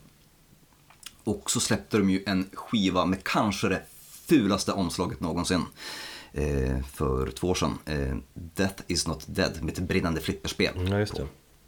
Det, är- alltså, det är så groteskt fult. Eh, den skivan var inte speciellt bra, men den hade tre, fyra ri- riktigt bra låtar. Och det är framförallt det här att de har tappat väldigt mycket av originalmedlemmarna och ersatt dem. Och det här, allt strul som det har varit med sångare. Men nu i alla fall Jonas, eller Johan Lindström, har jag för mig att han hette, eh, är ju tillbaka. Han var ju tillbaka redan på den plattan. Och de ska ju släppa nu skivan Cobra Speed Venom den 16 mars. Eh, så, och jag vet inte. Jag har, jag har den skivan, den ligger i telefonen, den ligger inte i en egen spellista. Men jag har inte riktigt vågat lyssna på den för att jag vill inte, jag vill hitta rätt tillfälle. Bra. Bra. Att- Du vet när haft- nästa haft en- tillfälle är? När nästa tillfälle att lyssna på den? När, när bästa tillfälle är att lyssna på den? Nej, det vet jag inte. Releasedatum? Jaha. Ja, kanske får jag väl vänta till 16 mars, men jag tror säkert att jag kommer behöva tycka till om den tidigare än så. Är det så jävla långt fram? Ja. Ja men de är ju lite spretade där med, med medlemsbyten. De har ju släppt så otroligt mycket skivor också. Ja, verkligen. Och Och det- och det här fråmframförallt att Det känns som att de släppte in- fan en skiva varje år under hela 00-talet nästan, liksom ett tag. Där. Eller kom så jävla mycket. Alltså de splittrades ju efter Possessed 13, eh, skivan efter eh, Crowned in Terror. Men sen så återförenas de igen. Nej, jag vet inte, det har, det, har varit, ja, det har varit väldigt mycket fram och tillbaka. Band ska inte släppa skivor för ofta, ska inte släppa ny musik för ofta, då orkar man liksom inte med. Jag då och då, typ varannan, var tredje platta har jag liksom lyssnat på, på dem. Och då Ja, så är det- stundtals tyckte de var jävligt bra också. Men just att det blir spretigt och ja, för mycket musik. Framförallt förstår jag inte vad som fick dem att spela in Crowned in Terror fast med originalsångaren Johan Lindstrand på sång. Det känns ju speciellt, jag tror att ganska många håller just Crowned in Terror som deras, ja, kanske bästa platta. Mm. Så var det ganska vågat att spela in den på nytt fast med, med, med originalsångaren. Jag vet inte varför de gjorde det heller. Så, sånt är så jävla idiotiskt. Mm. Men de släpper i alla fall eh, singeln Iron Crown. Eh, har för mig att de släpper den 19 januari. Fullt av låten eh, Ride the Fire som kommer vara exklusiv för just vinylen och inte kommer finnas med på eh, fullängden. Blir jag genast lite mer sugen på att eh, köpa. Ja, så att vi lyssnar på eh, The Crown, Ride the Fire.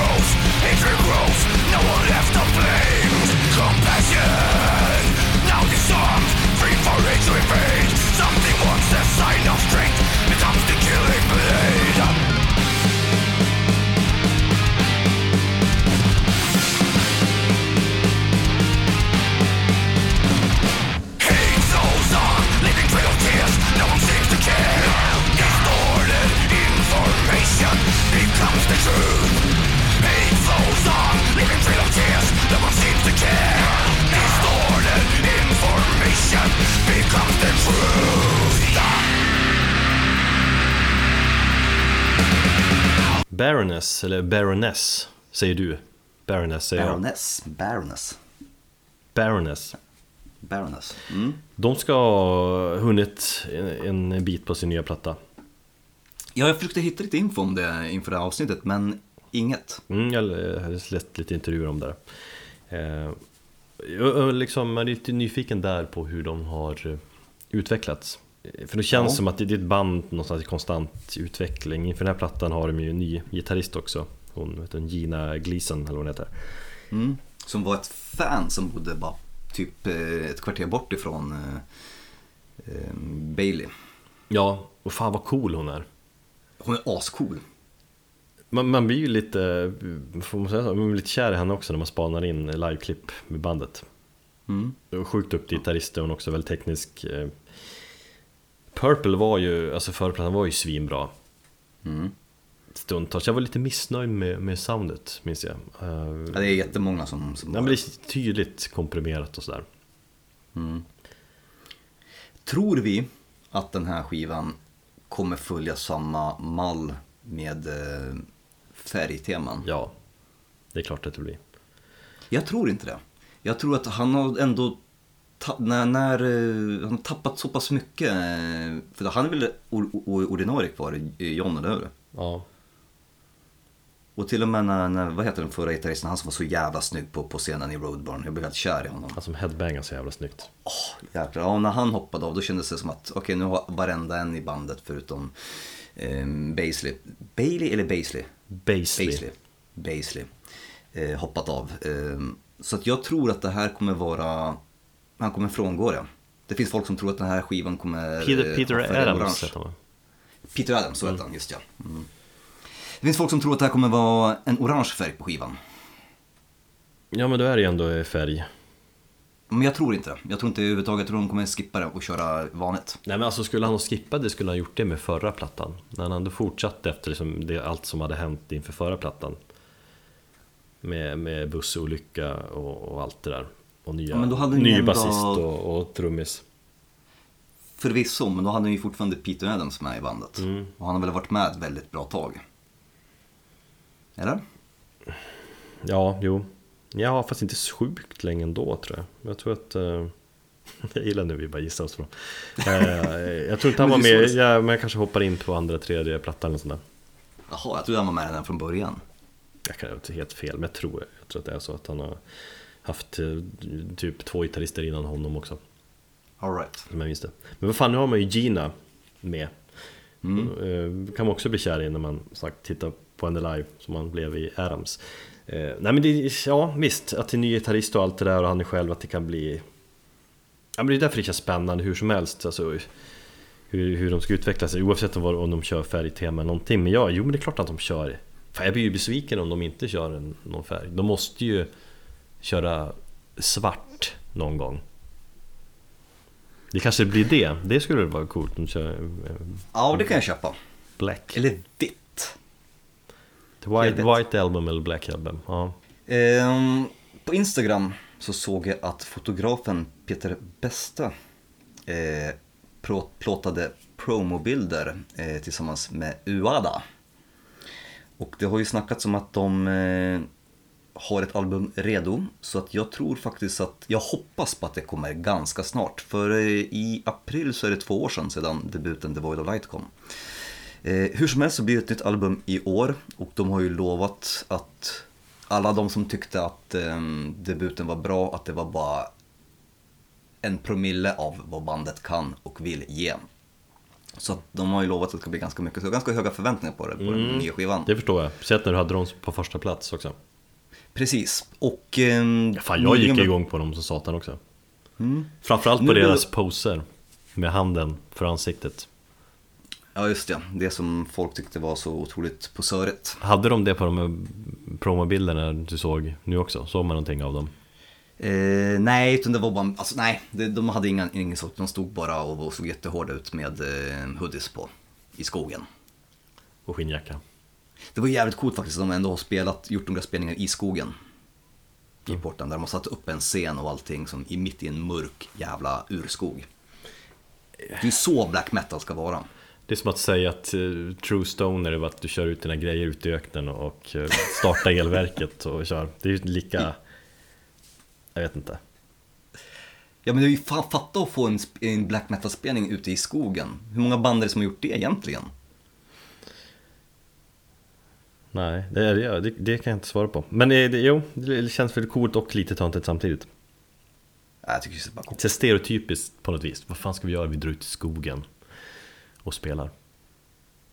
Bandet eh, sparkade precis sin eh, trummis och har ersatt honom med något nytt. Och på deras eh, Facebook-sida så har de bara satt att de har terminated him eh, effective immediately. Eh, vad det beror på vet man inte, men av vad dum av kommentarerna och så där så kan det ha någonting att göra i svallvågorna av metoo-rörelsen faktiskt. För han har tydligen ryktats om att vara ett, eh, han heter någonting med Matthews ett riktigt jävla rövhål och, och ganska douchig. Så att bandet kanske kände att han gjorde någonting som möjligtvis har, att de totalt, han, från ena dagen till den andra var du inte välkommen i bandet längre. Mm. Ganska hårt. Men ja, det är mer än så vet man faktiskt inte. Perfect Circle får jag nämna här igen. Jag nämnde ju dem att de ska komma hit och spela i juni. Eh, de ska släppa en ny platta också. Det har ju släppts någon singel sådär som jag inte, ja, jag har inte gått igång på eh, så mycket så. Alltså jag är mer, jag är mer nyfiken än peppad på en ny Perfect Circle-platta. Det var väl typ 13 år sedan senast. Eller 14 år sedan. Så det har gått ganska många år. Den första singeln, The Doom, tyckte jag var ganska bra. Är helt okej men inget som jag Jag vet inte, jag tog inte till med dem På det viset Alltså jag var ju De två första skivorna var jag ju Stundtals förälskad i Men är inte andra plattan med bandet en coverplatta? Nej det är tredje plattan va? Ja, det kanske det är. eh, Som jag knappt har lyssnat på Men de två första gillar jag jävligt mycket Jag tror inte att de kan få mig på det humöret igen. Alltså man vill på något vis hitta tillbaka till den magin Eller sinnesstämningen man, man kände där då tidigt 2000-tal Men vi får väl se. Jag är ju sagt nyfiken, det kan vara bra.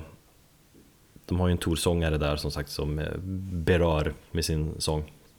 26 i första så kommer äntligen Tribulation med sin nya platta Down Below. Och det kan nog inte ha undkommit någon vid det här laget. Det finns ju två stycken singlar ute. Ehm, jag har lyssnat på plattan ganska så, så mycket och den är väldigt bra. Ehm, den känns som ett naturligt steg ifrån Children of the Night, om man nu får säga så och använda den klyschan. Samtidigt så känns den inte så direkt som Children of the Night därför att eh, hoppet, alltså genremässigt som det har varit mellan bandets tre första plattor har ju varit ganska så, eller utvecklingen har ju varit ganska så, så drastisk. Ja verkligen Från The Horror till med The Formulas of Death och så vidare. Så att hoppet mellan, alltså utvecklingen med de här två plattorna känns inte lika stort så därför känns inte den lika överraskande och inte lika direkt. Men efter att ha lyssnat på den väldigt mycket så har jag märkt att det är en platta som växer väldigt mycket. För att den har många lager som man kan upptäcka. Och bland annat så känns det som att den är ganska influerad av så här 80-tals skräckfilmer och, och lite grann den här italienska skräckfilmscenen som var på 60-70-talet också. Så att, ehm, det, ja, nej den är, den är riktigt bra. Alltså jag är ibland svårt att bestämma mig om jag gillar uh, Children of the Night eller The Formulas of Death Bättre, vilken av dem jag gillar. Jag, ja, jag ändrar mig lite då och då Mm. Det jag gillade med Formulas of Death var ju att den, det, var, det var mer utflykter i den Den var mer mystisk och utsvävande på något vis Children of the Night var ju mer direkt så Jo. Hur skulle du säga att Down Below är utifrån det perspektivet? Alltså, ja men down, alltså down below ska jag säga är en liten mer kanske lågmäld version av The Children of the Night. Mm. Eh, Det kommer en eh, recension om den i close-up här i nästa nummer Eh, och jag tror jag skrev någonting att jag har det är bara tiden får utvisa och då menar jag en ganska lång tid, säg fem år framåt vilken av skivorna är bäst. För jag tycker de är ganska så snarlika ändå. Så att när man väl fått sjunka in, plattan har fått liksom grott i en och man, man får perspektiv på det som jag kan avgöra om Children of the Night är bättre. För att jag har ju höjt Children of the Night väldigt, väldigt högt. Och sagt att det är liksom en dödsmetallens motsvarighet till Bohemian Rhapsody. Där tog jag i så jag sprack från tårna. Men, men, men jag tycker så och det återstår att se om den här är någonstans där uppe eller inte. Det är svårt att, att klå det, den beskrivningen. Där, där. High On Fire och eller Sleep ska ju fan släppa något i år, tycker man ju. De, ja, men de skulle ju släppt, båda två skulle ju släppt 2000, i sommaren 2017, eller hur? Ja, jag har att vi för exakt för ett år sedan snackade om just High On Fire och Sleep, att det skulle komma 2017. Ja, eller hur? Jag har för mig att det var så här att 2017 var Alltså Matt Pike, han var först och främst upptagen med att eh, skriva en ny skiva med Sleep Ja. Som då skulle bli Sleeps första album på sjukt många år Men det känns som att Sleep är ett band där det går segt att komma till skott Det känns som att det röks på betydligt mer i replokalen än vad det, vad det repas Om man säger så Röker han fortfarande? Ja men det, Hans- fan, det måste han väl göra Han har, slut, nej, men jag får mig, han har slutat med allt annat, men han röker eh, occasionally sin, sin joint. Mm. Och eh, de har ju andra snubbar i bandet som säkert röker också. Mm. Så där tror jag det går ganska långsamt. Alltså lite det Tool-syndromet. Vi ska faktiskt nämna Tool något mer i det här avsnittet tycker jag. Nej, det ska jag inte. Däremot så är ju Pikes andra band, High On Fire, som jag också tycker bättre om än Sleep, de är ju väldigt produktiva. Om man kollar historiskt också. Alltså, och som jag förstått rätt då så är det eh, i år ska han koncentrera sig på High On Fire. Okej. Eh, I och med att bandet också firar 20-årsjubileum i år faktiskt. De bildades ju 98. Åh fan, ja just det, ja det stämmer. Och något, någon spelning där kanske ja, men 99-2000 så träffades Mastodon-medlemmarna på en High on Fire-spelning. Och sa att Fan, gillar du också High on Fire? Brand, gillar du också uh, Troy och de där? Och så bara, ja, nu bildar vi Mastodon. Mm, just det. Klassiskt. Nej, men jag, jag, är Eh, alltid, jag är jävligt peppad på en ny High on Fire.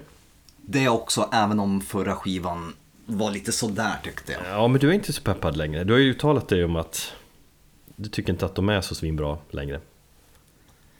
Har jag det? Mm, det har du. Nej, jag har väl bara sagt att jag tyckte att förra skivan var ganska ljummen. Jag tror förra skivan gick du väl inte igång jättemycket på heller, men det kanske du gjorde. Nej, men, jag, Ja, men det var- ja. Bara för att han borde röka på, på mer och, och, och sluta vara nykter. Han var ju totalnykter när han, när han spelade in den och flippade loss med Illuminati och fan, ödleteorier och allt möjligt. Jo, men det var ju som att han var pårökt ändå. Alltså, han behöver ju inte röka på för att flippa fullständigt eh, Nej, för sig. textmässigt. Nej, men ingen riffar ju som Matt Pike, så att eh, vi siktar på en ny High on Fire-platta och fira... Fan, vi får ju... Har vi kört en High on Fire special förresten? Det har vi inte, jag har haft det i åtanke. Vi får göra någon sån framöver. Ja men absolut, då kör vi High on Fire. Jag behöver köra en Dark Tranquility special också. Mm, Får du köra High on Fire och jag kör Dark Tranquility. yes. Eh, nej, men oavsett vad jag sagt tidigare om bandet så ja, då, jag är faktiskt pepp på en ny skiva. Bra, Det är jag. kul. Um, Behemoth kommer släppa nytt i år. Eh, vi får nog vänta till slutet av året. Skivan håller de på att spela in just nu. De har väl ganska mycket klart. Ehm, de ska även släppa en DVD tror jag innan här under våren har jag för mig. Som ska ja, egentligen visa hela The Satanist-turnén. För men The Satanist har de ju turnerat med i tre år. Nästan oavbrutet. Ehm, så den ska väl komma ut först och promotas ordentligt. Eh, samtidigt så är det närgat på att eh, ja, spela in ehm, nytt material och förhoppningsvis så, så får vi höra det ganska snart. Mm. Jävligt, jävligt spännande om de kommer kunna toppa The Satanist alltså. Det känns som att det var det, det, var liksom det ultimata vinsten som, som Nergal eh, kunde få efter att ha gått igenom döden och liksom bara liksom, man har övervunnit döden och liksom står på toppen av livet. Kreativ peak också och bara gör en fantastisk platta. Mm, det känns som att man ska ha, sänka förväntningarna med, med en ny Behemoth-platta med tanke på Satanist. Jajamän. Så vi får, vi får hålla dem nere under året, men det kommer vara svårt. Alice in Chains ska ju släppa nytt i år. Eller, tror i alla fall. Visst, det, Jag har inte hittat någonting om det. Jo, men alltså Det är ju oklart hur långt de har kommit med skivan. Men de gick in i studion i somras eh, och har sagt att ja, men inom en snar framtid så kommer det nytt. Sen får man se hur lång tid det tar då. Det kan ju gå fort men Man kan ju tolka i en snar framtid, near future på olika sätt. Mm. Men eh, jag fattar som att de har, har kommit en bit i alla fall Men det är svårt att veta hur långt, det har de inte sagt. Sen är Lane Staley, han, han må ju vara död Det har ju varit länge, men jag, jag tycker ju, som jag har nämnt tidigare också, bandet har ju berört mig Väldigt mycket med de två skivor som de har släppt med Den här William Duval, eller Duval eller vad fan man säger Just ja. Mm. Tycker fan de är magiska, jag tycker att Jag är övertygad om att den mesta låtskrivaren Jerry Cantrell kommer Ja men leverera även på deras kommande Vad hette dinosaurieskivan? God put dinosaurs here, eller vad? Nej, något, ja, något sånt ja. där. Eh, Den gick mig förbi faktiskt, jag lyssnade knappt på den. Men Black Gives Way to Blue är en helt fantastisk platta. Jo men om du gillar den så mycket så kommer du gilla Dinosaurs-plattan också Ja, det har bara inte blivit, jag vet inte varför jag missade den. Så jag, det är en skiva som jag egentligen borde lyssna på. Jag tyckte den stundtals är bättre än Black Gives Way to Blue också Jaså? Ja, Alright. Mm så den ska du absolut lyssna på eh, Och det var ganska länge sedan den kom, det var 2013 så att det börjar bli Fan, åren bara puh, springer iväg De gör ju det. Eh, alltså jag är egentligen klar med alla mina band som jag har listat. Men däremot bara lista lite artister som är, eh, har tänkt att släppa nytt i år. Eh, utan att gå in speciellt eh, mycket djupare på det. Testament eh, förväntas komma med ett nytt album innan sommaren. Anthrax och Megadeth eh, ska väl också släppa någonting nytt 2018. Slayer, eh, troligen enligt Kerry King. Vilken Vi av dem, ganska- där har du liksom fyra eh, thrash-giganter, vilken av de fyra är du mest peppad på? Eh, Testament faktiskt. Eh, Slayer var ju ganska trötta med Repentless. Slayer är inte Slayer längre känns som Nej, även fast jag tycker att Gary Holt är ascool. Ja just ja, den, eh, det får man ju tänka på att eh, Gary Holt kanske får vara med och skriva låtar i Slayer nu, så då kan det bli lite annorlunda Ja, vette fan om Kerry King kommer låta dem göra det alltså. Han har ju öppnat upp för det i alla fall Jo, jag vet. Men vad då? Du får göra ett solo liksom. Det är mer än så. Ja, vi får se. Men jag, absolut, jag hoppas det. Men jag är, jag är mer pepp på, på Testament. Eh, Judas Priest ska släppa nytt och den här singeln som de släppte i fredags. Skitbra! du, eh, Jag är ju mer Priest-fan än vad du är Jag, jag, Ja, blev, jag alltså, blev fick- skitglad när jag så, hörde den också Alltså jag, jag blev så jävla bra så jag satte bara på repeat och det, det gjorde direkt var att jag ska drog ner alla skivor i en eh, spellista och imorgon tänkte jag ha en Judas Priest-dag. Mm. För jag blev så pepp. Det var så sjukt snyggt sol också i den låten. Ja, nej men jag är peppad för jag tycker att de två senaste var det, alltså Redeemer of Souls hette den förra som kom för ett antal år sedan, den var ju skittrist tycker jag. Så gjorde de en sån här Nostradamus-plattan. Ja, det här konceptalbumet Mm. som var, men visst det var ju ett coolt album så men Äh, Ja, Jag tyckte också de var lite tröttsamma faktiskt. däremot Hellfords comeback-platta, den där Angel, Och Retribution. den tycker jag var jävligt bra. Ja, vi får se. Jag är jävligt pepp på nytt från Judas Priest. Ja, jag också.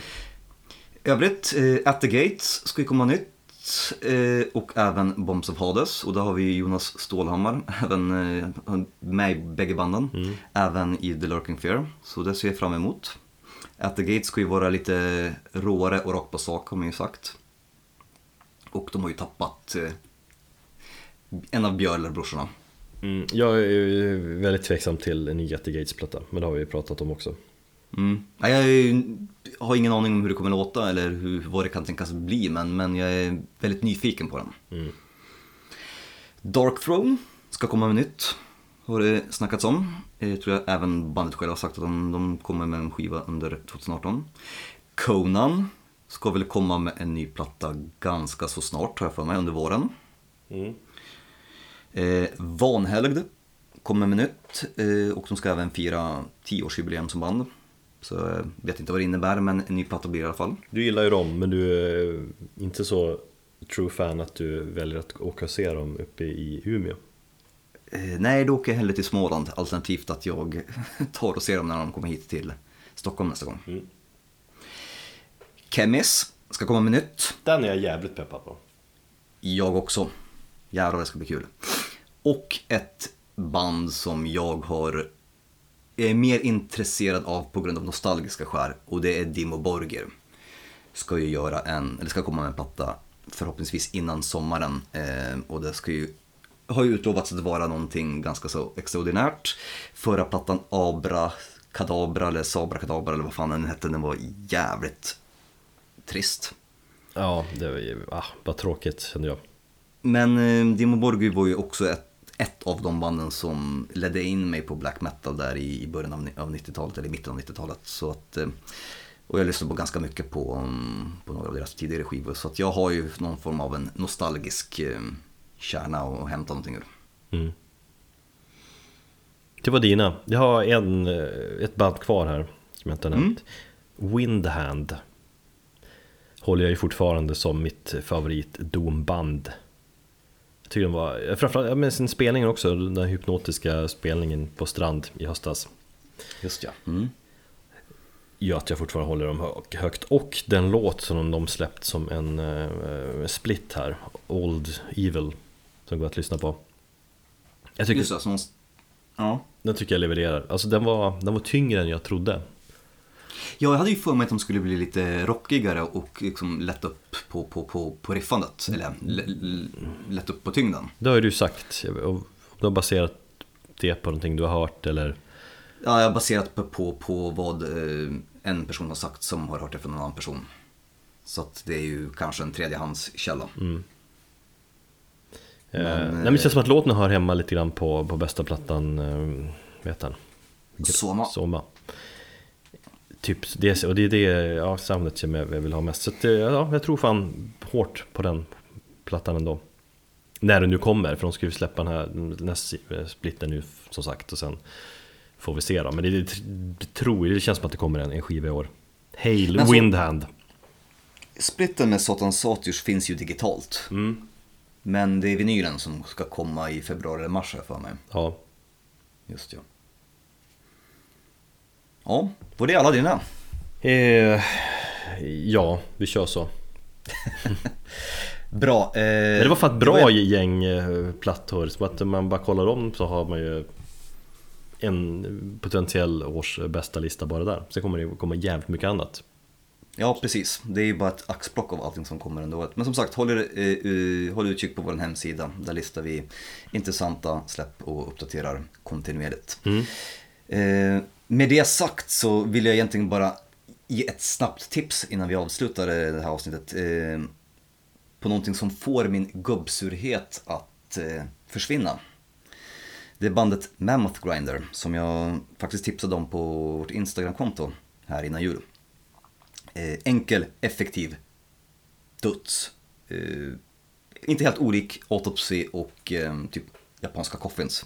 Svängig, inga krumelurer liksom, utan det är bara rakt på sak, korta låtar. Och när jag lyssnar på det så försvinner all form av gubbsurhet. Så att, eh, helt enkelt, man måste lyssna på mer Mammoth Grinder. Du gillade ju också det, eller hur? Ja, och det är många som eh, peppar den plattan ju. Jag upptäckte dem faktiskt med det här bandet, eller med den här skivan. Eh, Jag fick förfrågan om att recensera den och jag var såhär, nej jag orkar inte. Sen bara lyssnade på den en gång och bara, vad fan, det här var ju hur bra som helst. Eh, Började som ett hardcore-band och nu spelar de, ja, punkig dödsmetall. Cosmic Crypt heter skivan som kommer här i slutet av januari för mig. Så vad sägs om att spela en låt därifrån och tacka för det här avsnittet? Mm, det tycker jag. Vad bra. Nu peppar vi en ny arbetsvecka och ja, ett nytt år på riktigt. Det är bra, jag känner, eller jag är glad att du känner lite pepp här. Jag känner Ja mest men jag blev det. Jag, jag, det var därför jag, jag sa, du, du var ju lite så här, fan ska vi inte spela in imorgon istället? Jag bara nej! Nu har jag kämpat med att lägga min unge i 90 minuter. Nu ska vi fan mig spela in det här för det kommer bli värre imorgon. Eller det kommer bli likadant imorgon. Ja, det är sant. Det är bra. Nu är klockan halv tolv, så det är bra. Hög tid att eh, gå och lägga sig. Och jag är mindre sur än vad jag var när vi började avsnittet. Ja men det känns så det ska bra. vara. Fan podden får ju en på bra humör. Man har ju saknat den, fast vi har ju tagit jättelång paus. Men det är, man är ju så van att spela in den här podden och tänka poddverksamhet då och då.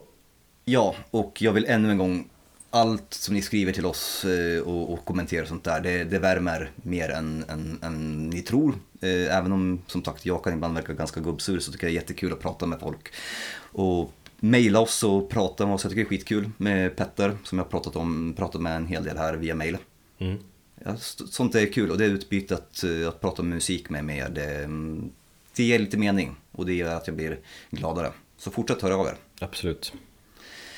Vi spelar eh, Superior Firepower med Mammoth Grinder från skivan Cosmic Crypt och till nästa gång så får ni ta hand om er. Tack som fan för att ni lyssnar på oss.